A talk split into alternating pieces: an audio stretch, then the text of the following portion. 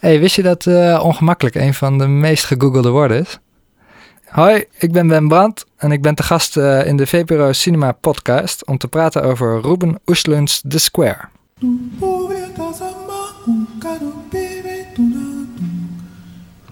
Hallo en welkom bij de VPRO Cinema Podcast. In deze podcast gaan we het hebben over film. Geen korte interviews, maar gewoon een goed gesprek. Met deze week The Square en het rijke oeuvre van Ruben Ostlund. Mijn naam is Jasper Tonnon en ik ben hier zoals altijd met mijn co-host Stephanie Laurier. Yes, hallo, hallo. En in deze podcast hebben we als gast ja, ik probeer een soort spanning op te bouwen.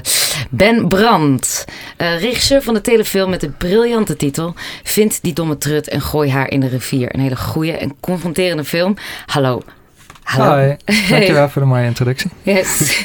en Ben is hier dus uh, om met ons te praten over The Square en, uh, en Ruben Östlund. Hij is fan van Ruben Östlund. Zeker, zeker. The Square is de nieuwe film van die Zweedse regisseur en hij heeft daarmee de Gouden Palm gewonnen in Cannes. Dus dat belooft wel wat.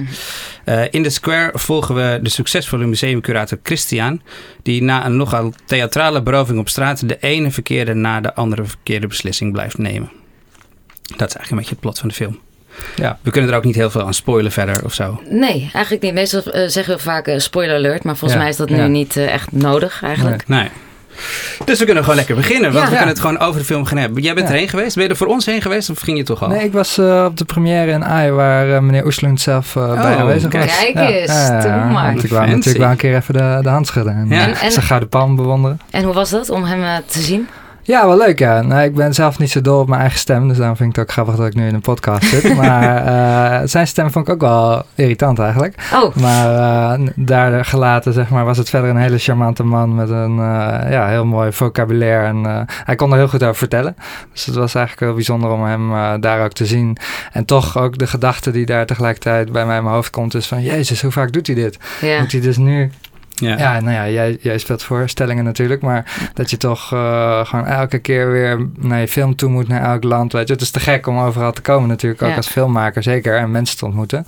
Maar toch word je op een gegeven moment bijna een soort slaaf dan van zijn succes, dat hij overal maar moet komen opdraven en toch weer datzelfde verhaal, verhaal hetzelfde dingetje Ik heb inderdaad als voorbereiding hiervoor iets van vier of vijf podcasts van een uur met een interview van hem geluisterd of mm. Q&A's. En dat zijn, is eigenlijk gewoon elke keer precies hetzelfde verhaal. Ja, nou, dat begint het hetzelfde, heeft dezelfde intonatie. ja. Ja, dus nou, nou ja, goed. Maar, maar het is een uh, interessant verhaal. Dus. Ja, nee, zeker. Daarom heeft hij denk ik ook zoveel tijd ervoor genomen om hem uh, te maken. Maar dat is ook eigenlijk de reden dat we hem niet hebben uitgenodigd. Ja, ja, ja, ja, ja, ja, weer hetzelfde verhaaltje. Ja, kan weten, ja want wat, uh, wat vonden van de film? Ik, ik ga gewoon jou, bij jou beginnen. Ja, ja ik had al aangegeven toen ik hiervoor werd gevraagd dat ik sowieso een heel groot fan ben van zijn werk. Maar dat ik The Square zelf de minste van zijn films vind. Grappig genoeg. Kijk, en, en, en waarom? Waarom?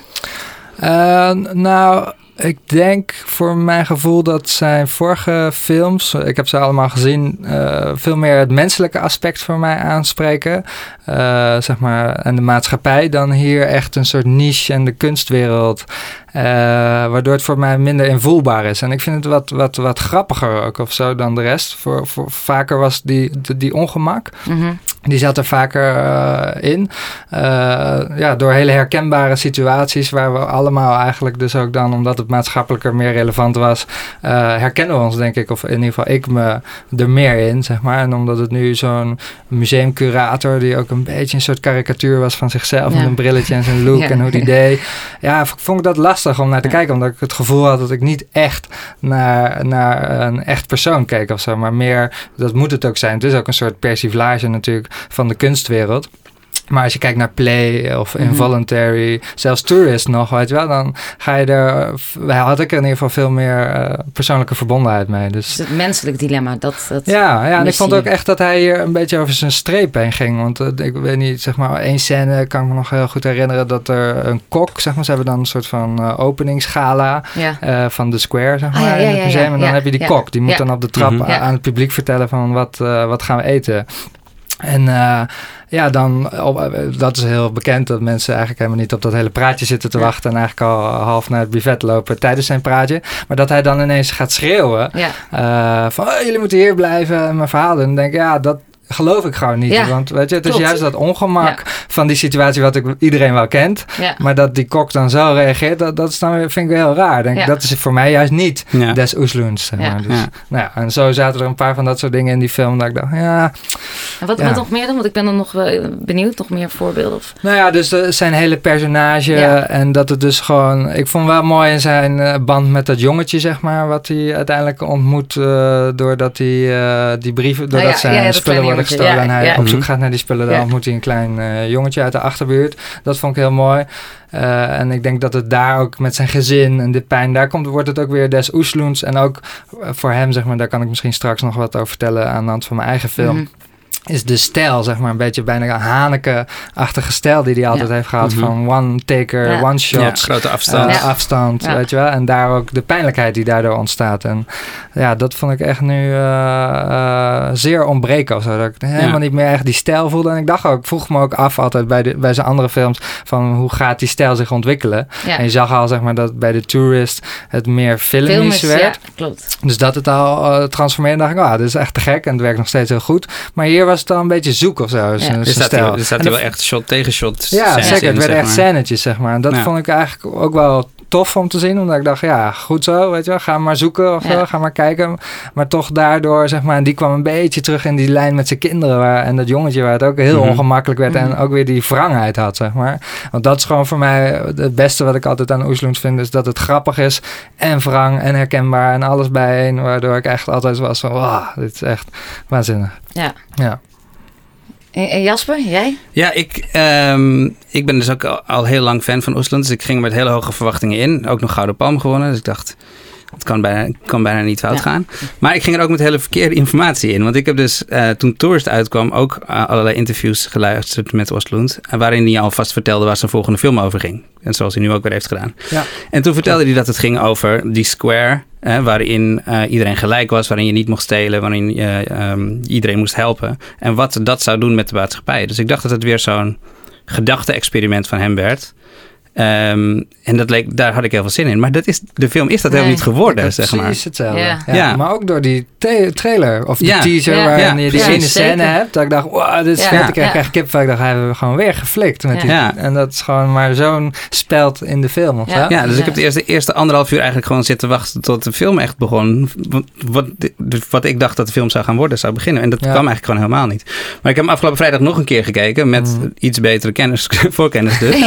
Ehm, Gewoon nog toen, heb de eh, film al gezien. ja, precies. Maar toen, toen was hij een stuk beter. Toen, toen kon ik me veel meer in de Loslaten, film eh, ja, dat is focussen. sterk. Maar ik had hetzelfde wat jij had. Dat was mijn grootste probleem. Dat ik ehm, bij zijn andere films kan je heel erg met de karakters meegaan. En hier, ten eerste inderdaad staat hij redelijk ver van je af, want hij is een museumcurator. Maar hij Ja. maakt ook heel vroeg in de film al keuzes die ik niet gemaakt zou hebben, zeg Ja, maar. precies. En als Ja. hij dan later daardoor in de problemen komt, vraag ik me niet meer af wat ik in die situatie zou doen. Want ik had die eerste keuze nooit gemaakt. Als, Ja. hij, als Ja. zijn telefoon Ja. gestolen wordt, Ja. dan gaat hij al die briefjes doen. Ik zou gewoon naar de politie zijn- gaan gaan. Ja.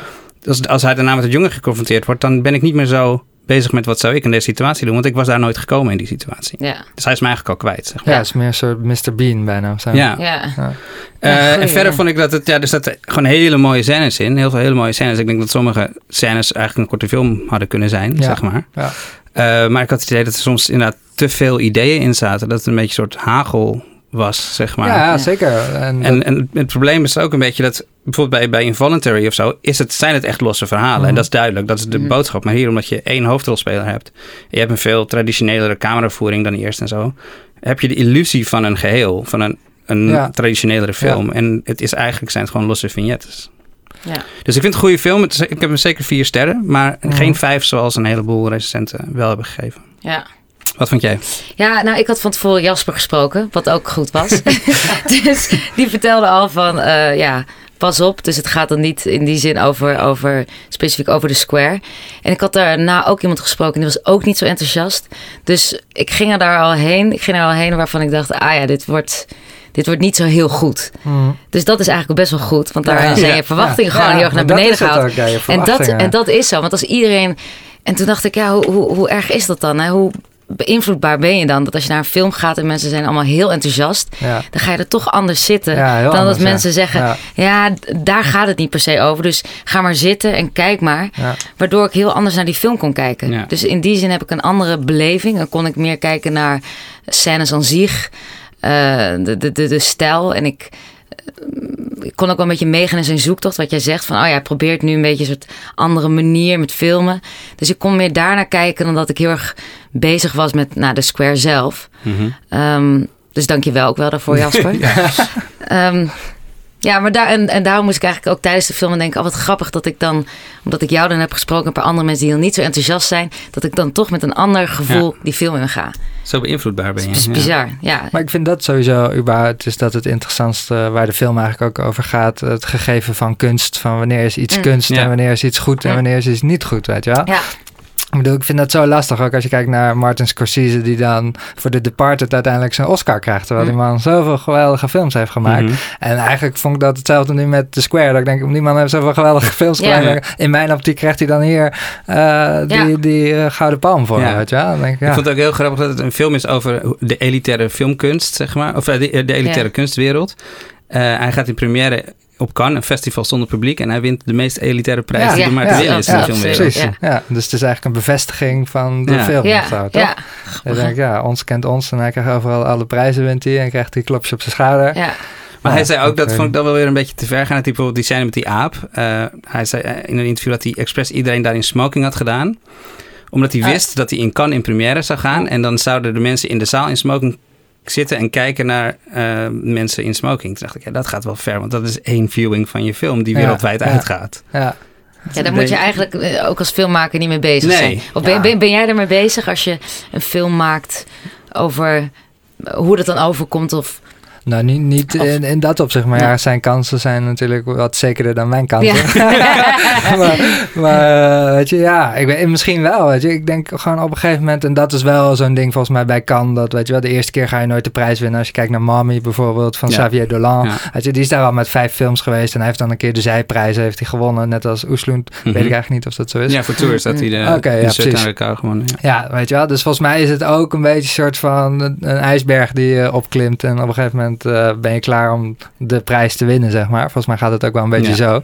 Maar eh, nou ja, ik, eh, ik, eh, ik weet niet. Ja. Nee. Maar, maar en dan nog even terug, want we hebben het al, hebt dan die prijs gewonnen. Daar ben ik gewoon echt oprecht benieuwd naar. Maar waarom dan nu? Of is dat dan zo omdat hij dan omdat dit een voor een groter publiek is? Of eh, snap je wat ik bedoel? Want, ja, want, ik weet niet. Mensen vinden het gewoon de beste film, denk ik. En, en eh, maar ook omdat Het is een juryprijs. eh, Ja. Dus ja. Ja, ja ze, ze- ze- kijk, een jury, dat is ook altijd heel lastig. Dat heb je ook altijd op filmfestivals als je daar bent. Dan eh, spreek je ook de jury en die zeggen achteraf wel eens van ja, het eh, mag het eigenlijk niet zeggen, maar het is niet de beste film die heeft gewonnen. Maar ja, de jury moet er wel uitkomen met elkaar. Ja, dus dan is meestal, en dat hoor ik heel vaak, dat de beste film uiteindelijk eh, met lege handen naar huis gaat. En dat het dan de compromis is eh, van Ja. soms zelfs de tweede of de derde plek ja. die wint. Het wordt ook weer de, de. Zweedse Oscar-inzending eh, deze keer. Ja, Tours was dat ook. Dat was Ja, toen, ja. Was hij het niet geworden. En had hij een, een YouTube-filmpje online Ja, ja, gezet. waar dat ze hij, keken, waar waar hij helemaal luisteren. doordraaide.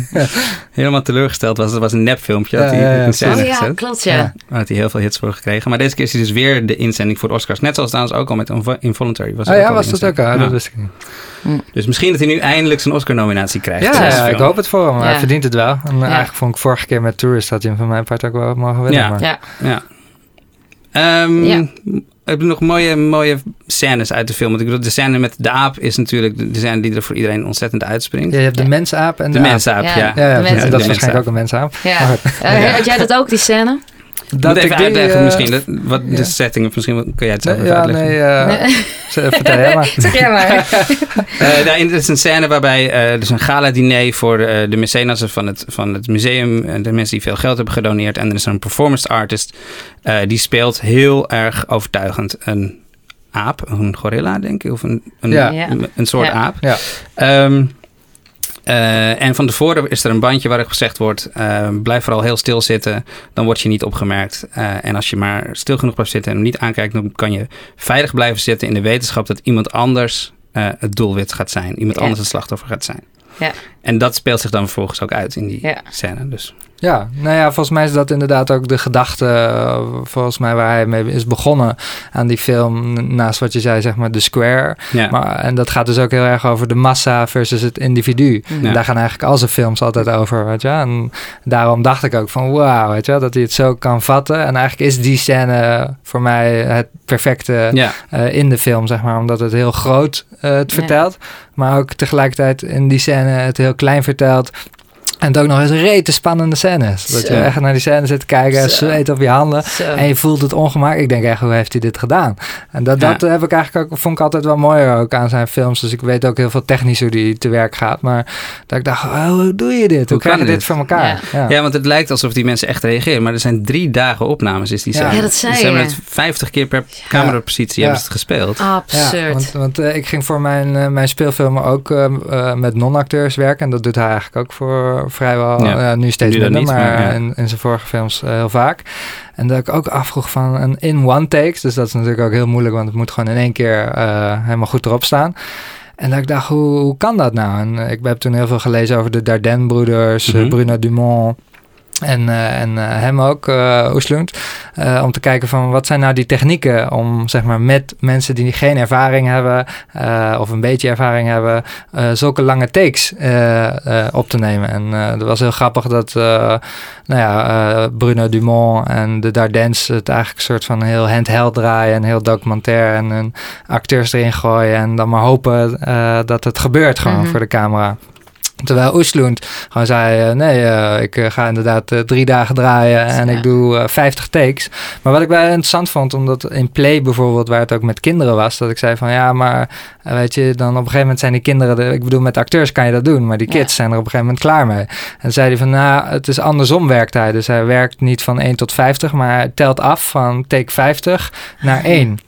Dus hij zei iedereen, ook die kids die eraan meewerken, die zijn allemaal bewust van dat nummer 1 moet hem worden. Ah, ja. Dus ze werken allemaal terug. 50 mag nog experimenteren, 40, Ja, ja, eh, 30, 20 en kijken en uitvinden en dan ineens. En, en dan wordt het ook een soort gezamst eh, Mhm. kunstwerk. Weet je wel, ze doen het allemaal samen en eh, ja, dan komen ze bij die ene aan en als dat dan lukt, ja, dan is zo'n euforie ontstaat er ook, wat zo'n kracht geeft om ook de rest van de film zo. eh, Maar, en, en, en heb jij dat dan ook gedaan? Bij, of hoe heb jij dat dan gedaan in jouw film? Eh, nou, ik, ik heb daar- en dat is ook een ander aspect, zeg maar, wat ik heel waardeer aan, aan Oesloend, is dat hij, eh, zeg maar, in zijn eh, verleden, nou, heeft hij eh Guitar Mongoloid, was zijn Ja. eerste film. Nou, die film is helemaal neergezabeld door, door de media. Eh, hij kreeg hem sowieso al eigenlijk niet ge, ge- gesubsidieerd. Dus dat was eigenlijk gewoon een ramp voor hem. En hij, nou, hij heeft toen beraad na van shit, hoe moet ik verder met mijn carrière, want het wordt helemaal niks.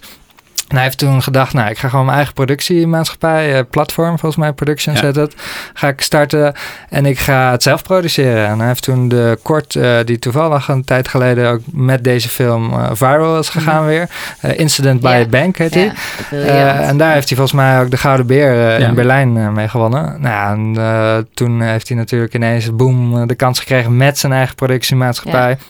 En zijn films om, eh, om toen Involuntary volgens mij te gaan maken. Nou ja, en dat is eigenlijk alleen maar doorgegaan. Maar wat er zo goed aan is, en dat zie je ook bij die vrouw van Tony Erdman, eh, die regisseuse. Mhm. Ik weet niet of jullie die hebben Ja. gezien. Een Ja. super goede film. Eh, die produceert ook haar eigen films. En wat zij allebei doen, is ze zeggen: We hebben lak aan het feit dat een producent, niet ten slechte van producenten, is weet je wel. zegt, ja. maar dat ze zeggen van wie bepaalt de regels, weet je wel? Oesland zei ook, wie bepaalt dat je 30 dagen kan draaien? Ja, ik produceer het, ik heb gewoon 60 dagen. Ik Ja. bedoel, het betekent wel dat ik misschien ergens anders eh, concessies moet doen. Maar in principe eh, eh, kan het gewoon. eh, en dat vond ik heel interessant. Dat ik dacht, oh ja, dus het is ook een soort state of mind die hij verandert. Eh, en ik, ja, ik, dit, wat, wat ik heb gemaakt is mijn eerste film. Dus ik heb een producent en daar ga ik naartoe. En ze, nou, Ja. die zegt, ja, 30 dagen. Ja, en dan nog niet het, eens ja. 21 dagen. Je, en dan zeg Ja. ik, oh, kan er niet nog wat bij? Ja, oké, nou nog een halve dag met de helft van de crew kan erbij en that's it, weet je wel. Dus je komt zo in zo'n systeem terecht, denk ik ook, van werken. En een manier van werken die misschien niet eens meer heel re- relevant is. Omdat de, de, wij, nou, voor mijn film heb ik ook bijna geen licht gebruikt. Dat is tegenwoordig niet meer nodig. En zeker als je een goede cameraman hebt. Zo kan je allemaal dingen eigenlijk weglaten. Mhm. En ook die kinderen met non-acteurs is het gewoon heel fijn als je maar met vijf mensen op een set staat. Ja. Weet je? Ik, Ja. wil, ik kreeg het 's ochtends heel benauwd als ik op de set aankom. En er staan drie bussen en allemaal mensen. Dat ik denk, shit, Ja. kan niet allemaal voor mij. ja, Dan ja, moet ik ja. ook wel echt Ja. iets goeds gaan Ja. doen. Weet je? Ik bedoel ook wel sowieso wel iets goeds doen. Maar ik weet niet. Dus eh, ja, ik denk dat dat gewoon heel, heel mooi is. Waardoor hij dat creëert. Dat hij inderdaad eh 50 takes kan doen en dat drie dagen lang kan doen. En, en je hebt, eh, hoorde ik ook van, dat, eh, van Jasper dat jij hebt laten inspireren door Play. Klopt dat? Ja, voor, ja, je, ja. voor je film? Ja, sowieso. eh, voor een play is dus een film van, van Ruben Östlund. Östlund, Dat ja. is zijn eh, derde film. ja. En dat gaat over een, een groep zwarte jongetjes die wordt eh, in Zwe- Zweden wordt overvallen op een hele rare manier eh, door drie. Of, nee, Nee, nee, andersom. ja, Zij overvallen drie eh, Zweedse jongetjes. Eh, en daar gebruiken ze een hele rare, ingewikkelde methode voor. En Ja. die jongetjes die gaan er heel, helemaal in mee. Terwijl ze eigenlijk in stap 1 al lang weten dat ze uiteindelijk beroofd gaan worden. Gaan, ze, gaan ze twee uur lang met ze mee door de hele stad heen. En geen enkele volwassene grijpt in. Ja. Ja. ook gebaseerd op uh, gebaseerd op ware ja. verhalen, ja. Het is echt uit, uh, volgens mij allemaal teksten van uh, rechtszaken die daar omheen Ja. zijn geweest. Ja. Uh, Ja. Heeft hij ingezien en uh, aan de hand daarvan het geconstrueerd. En grappig genoeg heeft hij daar zoveel gezeik met die film gehad. Ja, was ook heel risico. Ja, Ja, dat- ik kreeg ik gezeik vooral over het racisme. Ja, dat- ja. dat ja, dat, dat iets maar. wat eigenlijk echt waar was, dat Ja. dat eigenlijk ja, niet gezegd mocht worden, Ja. eh, omdat dat dan racistisch eh, bevonden werd. Wat ik wel snap, want dat is gewoon wat mensen veel doen op internet, is die lezen de context niet en die gaan gewoon schreeuwen van dit is fucking racistisch of dit Ja. is, je bent gewoon gestoord. Maar het zat was er ook heel expliciet in, want die, die jongens maken ook echt gebruik van hun huidskleur om angst aan te jagen. Ja. Zeg maar. Want Ja. ze weten hoe blanke mensen op hun reageren, Ja. op een grote Ja. groep van zwarte jongetjes. Nou ja, voor mijn gevoel, ik bedoel, ik weet niet of jullie gepest zijn in je jeugd, maar het maakt het me niet heel veel uit of ze zwart of wit zijn. Nee. Maar dat het wel echt het gevoel ervan zo herkenbaar is en zo beklemmend is. Dat, je echt denkt, nou, dat vond ik gewoon zo goed gedaan. Mhm. Dat ik dacht, poeh. En wat heb je nou Ja. ge- gebruikt voor jouw film? Hoe heb je... Nou, eh, eh, ik was natuurlijk in eerste instantie ook benieuwd naar hoe hij dat spel voor elkaar had gekregen. Dus in die lange takes, eh, hoe die dan ook nog die jongens allemaal, die kinderen allemaal zo goed liet spelen. En ik kwam er toen achter dat het ook deels een montagetechniek is geweest, in ieder geval bij Play. Hij heeft toen waren net de 4K, tegenwoordig heeft bijna iedereen alweer een 4K televisie thuis. Mhm. Toen was net die 4K, eh, wat ongeveer vier keer zo groot is als HD, was uit. En ze hebben dat toen met 4K gefilmd en weer ingezoomd zeg maar, op dat beeld naar HD. Waardoor hij met de camera, zeg maar in de montage, eh, over het beeld kon bewegen. En dan bewijs van als hij in de rechter onderhoek begon, eh, even met de camera, de digitale camera in de computer naar linksboven Ja. ging. Waardoor hij zeg maar het beeld kon eh, morfen, zeg maar. Of Ja. dus laten overgaan stiekem naar een andere take en dan weer terug daarna bewegen. Waardoor hij zeg maar toch nog soort van kon monteren binnen één beeld. Dat had hij eigenlijk geoefend in, in Incident by Bank. Ja, dat is de eerste ja, keer dat hij dat daar heeft hij dat ook gedaan, ja, precies. En eh, nou ja, dus dat was al dat ik dacht, oh, dat is wel interessant. Maar ook ga je dan weer naar lange takes en eh, nou, dan wordt het toch weer een heel ander verhaal waar ik volgens mij helemaal geen tijd voor heb. Ehm, eh, maar tegelijkertijd wat ik er heel goed aan vond en ook in, misschien niet vernieuwend, maar ja, voor mij wel toen op dat moment was eh, in plaats en wat eigenlijk Gaspar Noé ook in eh, Irreversible, die Franse film eh, deed. Er zit zo'n verkrachtingsscène in die echt tien minuten ja. duurt of zo. Nou ja, echt een horrorfilm eh, eh, voor veel mensen om te kijken. En, eh, en juist zeg maar doordat het afstand heeft en het zo lang duurt, ook bij die verkrachtingsscène van Gaspar Noé, het wordt het zo erg. Want als kijker wil je gewoon wegsnijden. Ja, je weet je wil door. word je in één keer iets Ja, maar je wordt gevangen genomen Ja. ook. Van ga maar zitten en Ja. ga maar kijken. En daardoor wordt iets eigenlijk nog erger dan dat je de muziek onderzet en het dramatiseert met handheld en close-up. Dus dat verraste me eigenlijk vooral. Dat ik dacht van, ah ja, dat vind ik wel heel interessant. Dus ik heb eh, dat deels, maar misschien maar een heel klein beetje eh, gebruikt. Maar het was wel eh, in dat opzicht een hele grote inspiratie. Mm. En ja, ik weet, ik, ik weet niet of ik nog een keer iets meer van zijn stijl zou willen implementeren. Maar ik ben nu ook bezig met VR en AR eh, Oh ja. film. En dat is natuurlijk per definitie op dit moment in ieder geval nog vaak één beeld, zeg maar. Dus Ja. ik denk dat zijn stijl daar ook weer heel erg eh, toepasbaar is. Dat ik dacht van, ah als je nou zo'n scène ziet waar je gewoon bij staat. En dat duurt dus ook Ja. heel lang. Ja. Ja. ik weet niet. Ik denk Ja, dat er ja, ja, eh, veel toekomst Ja. is voor zijn manier Ja. van werken. Maar jij vindt Oostend dus heel goed en inspirerend door, door, zijn, door hoe hij het technisch doet, door zijn afstand van de beelden. Maar ik vind, dat vind ik ook, maar ik vind ook zijn thematiek altijd heel interessant, zeg maar. Want Mhm. ik zie hem echt als een soort ehm, onderzoeker of zo. In heel veel films zet hij zijn karakters gewoon in een soort onmogelijke situatie neer. En dan kijkt hij gewoon als een soort wetenschapper naar, naar het laboratorium rat om te kijken Wat gaat wat er gaat er ja. gebeuren in die scène. En dat vind ik altijd heel interessant bij Oslo. Ja, Ja. nee, zeker. een hele goede kijker. Ja. Kijker naar de mensen. Dat zie je ook dat hij heel veel inspiratie ook haalt van het internet. Volgens mij, Ja. Eh, bij elke film is het ook wat misschien wat je zei bij, eh, bij The Square. Voel je nog het meest dat het een soort bijeenraap, eh bijeenraping Ja. van ideeën is of zo. Maar ja, hele goede kijker en eh, observateur. En eh, ja, ik denk dat dat ook. eh, we hadden altijd de vraag, eh, ook op de filmacademie, van wat is inspiratie? En waar komt dat vandaan? En eh, ik, eh, ik merkte op een gegeven moment dat het volgens mij ook is dat eh, heel veel mensen, of een vriend van mij was ook net in een klooster geweest, eh, want die, die zat niet zo lekker in zijn vel, Mm. eh, in zijn stilteklooster tien dagen of twaalf dagen. En hij kwam terug en hij was echt een soort verlicht. En dat was voor mij wel een verrassing. En dat had ik eigenlijk niet verwacht. En ik vond dat heel bijzonder. En ik zei, wat, wat is dan voor jou het grootste verschil? Hij zei, ja, voorheen ging ik naar mijn werk. En dan moest ik gewoon snel naar mijn werk. En dan was gewoon iedereen die in mijn weg kwam, was gewoon vervelend en stoppen en ga aan de kant. En eh, wa- was het dat heel erg. En hij zei, nu ben ik heel erg in het moment en kijk ik heel erg om me heen en, en geniet ik eigenlijk er meer van. En ik denk dat dat, als je gewoon in het moment kan zijn, eh, dat, je, dat dan dus ook dingen binnenkomen. Want als je altijd maar gefocust bent Ja. op, op de toekomst Ja. en waar je naartoe moet, Ja. dan zie je niks. Terwijl als je gewoon even zorgt, op wat voor manier dan ook, je in het nu terechtkomt, dan krijg je de, zie je dingen zoals Ja. hij Ja. waarschijnlijk eh, ziet. En waar hij misschien zelf ook last van heeft waarschijnlijk. Ehm, ik wil even terug naar, eh, naar Oslo weer. Ja. Eh, ja. Ja. Eh, want eh, we hebben, we- The Square vinden we, jij vindt hem zelfs een van zijn minste films, Ja. zei je? Ja. Eh, voor mij is hij zeker ook niet de beste. Nee, dat voor- vond jij ook niet? Voor mij ook niet, nee. Nee, Maar- dus dan is een hele logische vraag. Wat vinden we dan wel zijn beste film? Ja. Dus wat vind jij, Stefan? Eh, ja, moeilijk, moeilijk. Ehm, nou, wat, wat ik wel goed vond was eh, Incident bij een Bank. Dat, eh, dat was een soort nieuwe manier van, van filmen. En ook hoe dat is gemaakt, dat sprak me heel erg aan. Toen ik theater maakte. Dus ik vond zijn manier van, van, van andere manier iets maken, vond ik heel inspirerend. Dus ook, nou goed, als theatermaker dus ook, daar, daar kon ik wel iets mee. Ja. Ik heb dat ook aan heel veel mensen laten zien, ook omdat het juist zo kort is.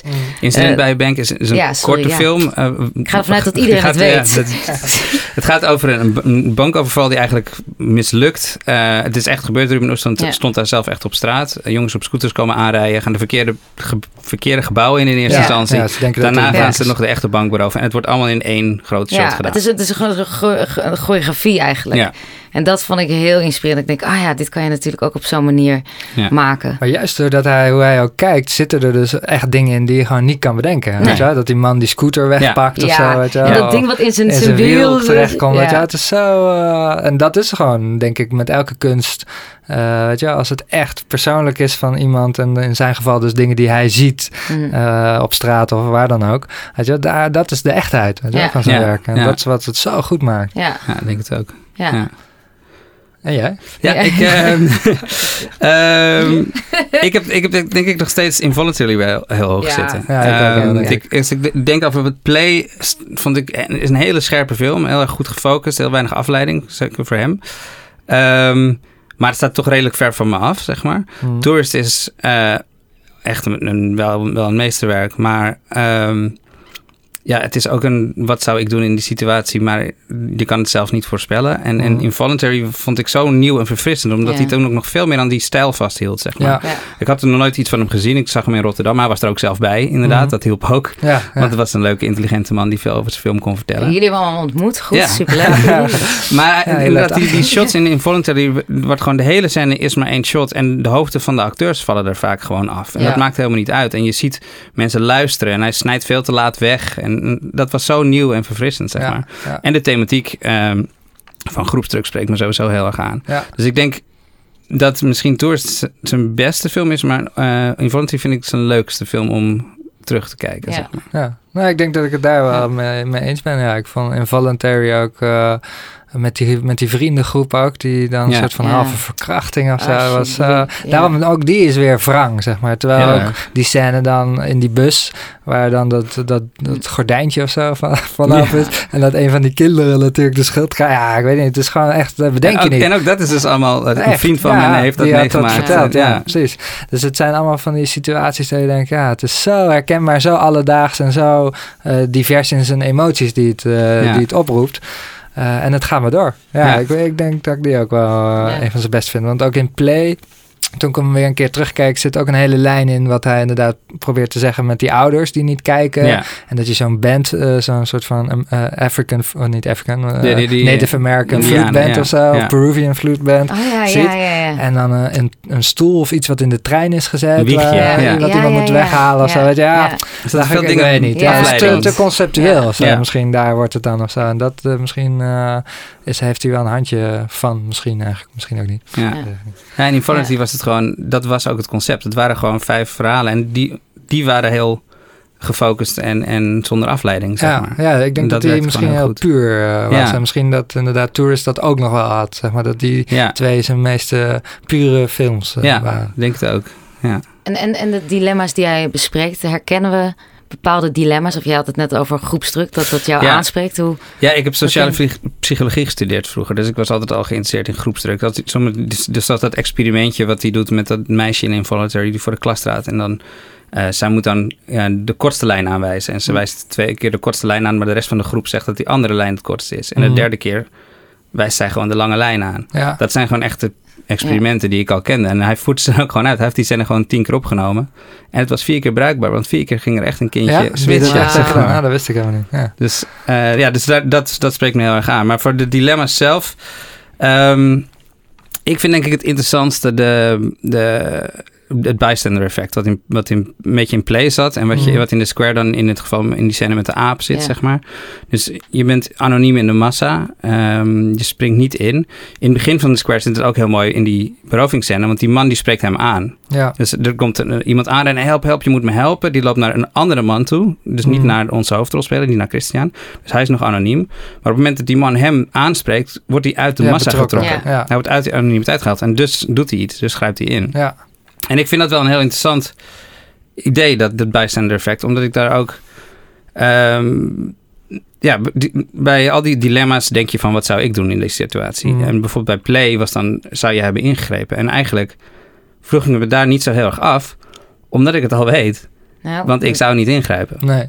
En dat is juist extra pijnlijk natuurlijk als je die film ziet. Want ik, de, ik, ik denk voornamelijk uit angst. Eh, niet zozeer om bang om racistisch gevonden te worden, wat de film een beetje wilde zeggen. Dat, Ja, daar zou ik niet zo bang voor zijn.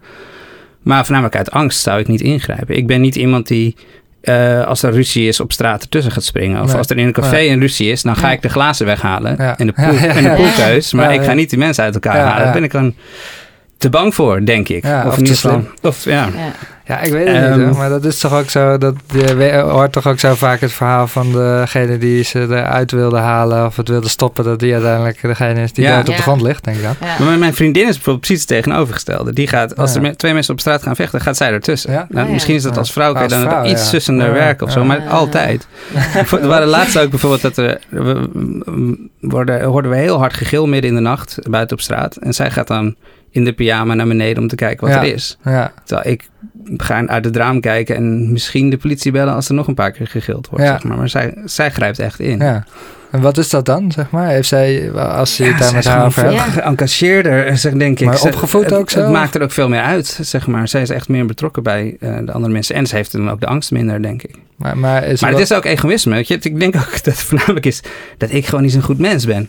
Ja? Weet je wel? Ja. Nou ja? Oké. Maar dat is juist zo fijn van Ja. Oostlund, want die laat me zien dat er een heleboel mensen zijn die niet zo Ja, zijn. niet. Allemaal slechte Ja. mensen.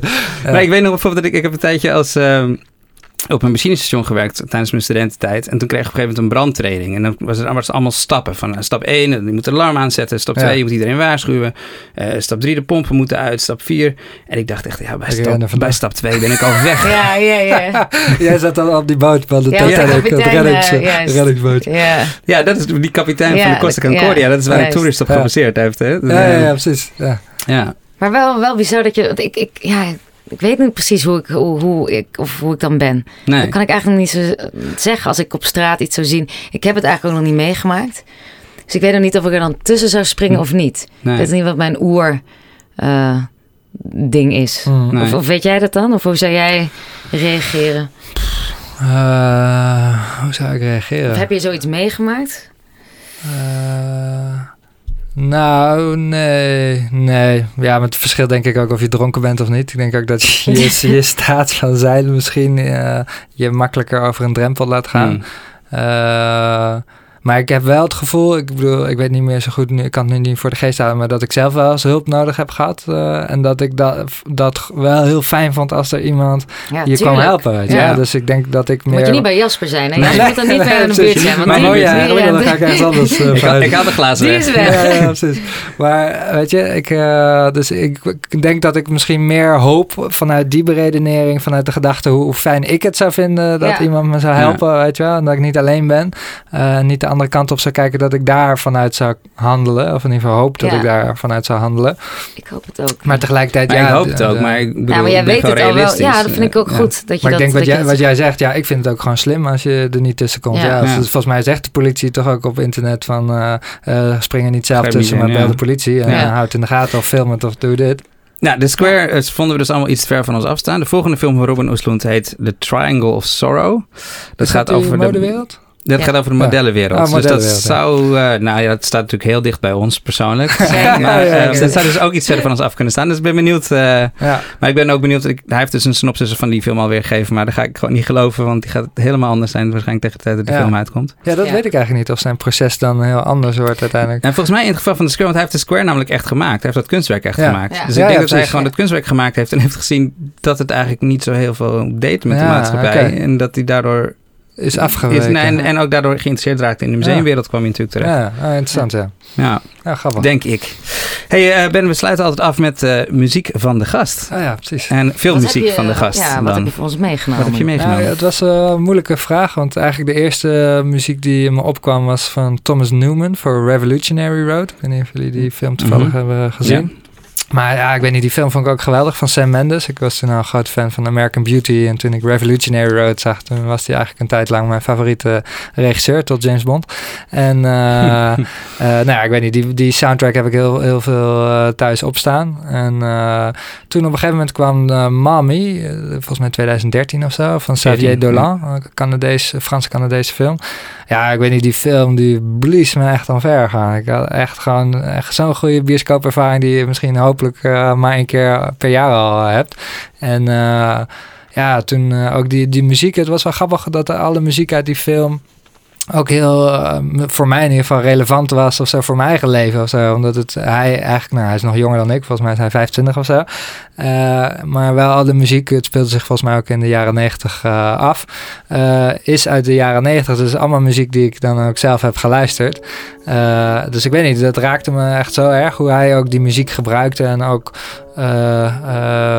dat zeg maar, hij zet die nummers vol in de film, maar het wordt nooit een videoclip. Want de scènes zijn zo sterk en goed geschreven en zijn personages zijn zo sterk, waardoor het altijd een, een scène blijft, zeg maar, mm -hmm. in plaats van een videoclip. En één uitzondering daarop eigenlijk is het nummer wat ik heb uitgekozen. En dat was ook de inspiratiebron van hem aan de hand van dat nummer is hij de film Mommy gaan schrijven. Uh, heb ik ergens gelezen. Uh, en dat is van Ludovicio Einaudi. Ik weet niet, uh, volgens mij heet het originele nummer Experience. Ja, ja, precies. Ja, en dat was gewoon ook echt toen ik in de bioscoop zag en dat nummer startte. En ik uiteindelijk een componist waarmee ik, waarmee ik werk, die zei: Oh, gadverdamme, Ludovicio, wat een smeerboel. Weet je, maar dat is het moment in de film waar, waarin het open gaat, toch? Ja, ja, waarin het open gaat en waarin het helemaal goed wordt. En, ja. Nee, nee, volgens mij gaat hij, hij gaat daar weer open, ja, voor ja, de tweede keer. Voor de tweede keer open. Ja, gaat hij open en uh, boem. En, uh, en uh, ja, heel emotioneel en heel mooi vind ik het. En ik luister dit nummer ook heel vaak thuis. Dus, Gaan we zo naar luisteren. Yes. Ik wil je eerst even bedanken voor je komst. Ja, bedankt. Jou ook, Stephanie. Ja, ook Jasper. wil je meer weten over de podcast? Ga dan naar vpro.nl slash cinemapodcast. En mocht je nou denken, dit zouden veel meer mensen moeten luisteren, vertel het dan gerust aan je vrienden. Share het op Facebook. En laat vooral een uh, 5-sterren recensie achter op iTunes. Dat helpt ons heel erg. uh, voor feedback, vragen, suggesties kun je mailen naar uh, de cinemapodcast.vpro.nl. En dan zijn wij er over een maand weer. Dat wordt een hele leuke uitzending volgens mij. Want dan gaan we het hebben over The Greatest Bad Movie Ever Made. De Citizen Kane van de slechte film The, The Room. Room. En dan de film die daar weer over gemaakt Yes. is. The Disaster Artist. Dat wordt, Wordt leuk. Tot dan. Yes.